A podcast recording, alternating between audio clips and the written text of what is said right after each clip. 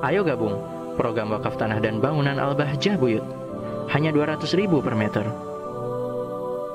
Wal amanatu dalilun alal iman. Adapun amanah itu tanda seseorang yang memiliki sifat amanah, tanda dirinya memiliki i, iman.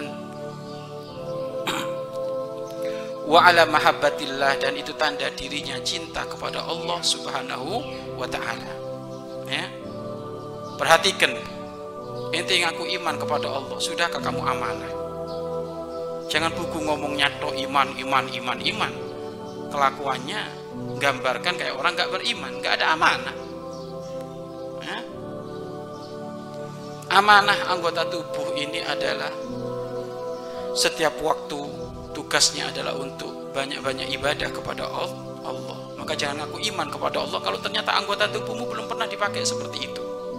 Malah dipakai maksi, maksiat.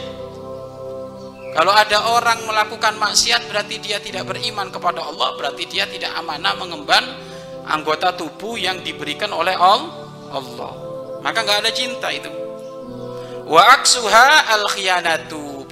Malah kebalikannya amanah adalah khia, khianat. Wah itu khianat itu. Orang yang dikasih anggota tubuh oleh Allah Subhanahu wa taala lah kok nggak dijaga. Tangannya sering dipakai hal-hal yang ber, nggak bermanfaat. Lebih-lebih maksiat, khianat itu. Punya tangan khianat itu. Matanya diberikan oleh Allah untuk melihat keagungan, kebesaran ciptaan Allah akhirnya dipakai maksiat berarti mata khia, khianat mulutnya harusnya dipakai untuk banyak-banyak berzikir kepada Allah. Hal-hal yang manfaat diucapkan dikeluarkan dari mulutnya eh dipakai maksiat. Berarti khia khianat.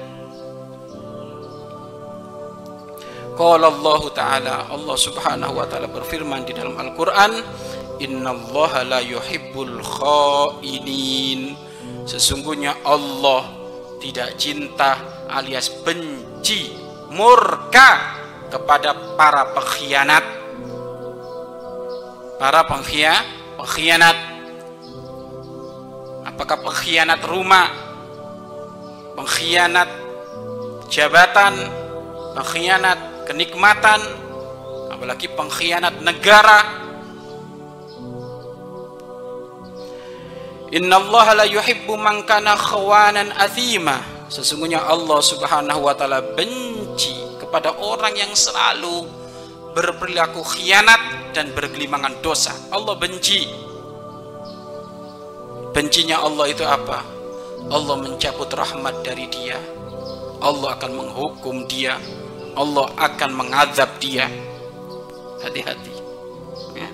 jangan menjadi orang yang khia khianat Mari berinfak untuk operasional lembaga pengembangan dakwah Bahjah Buyut.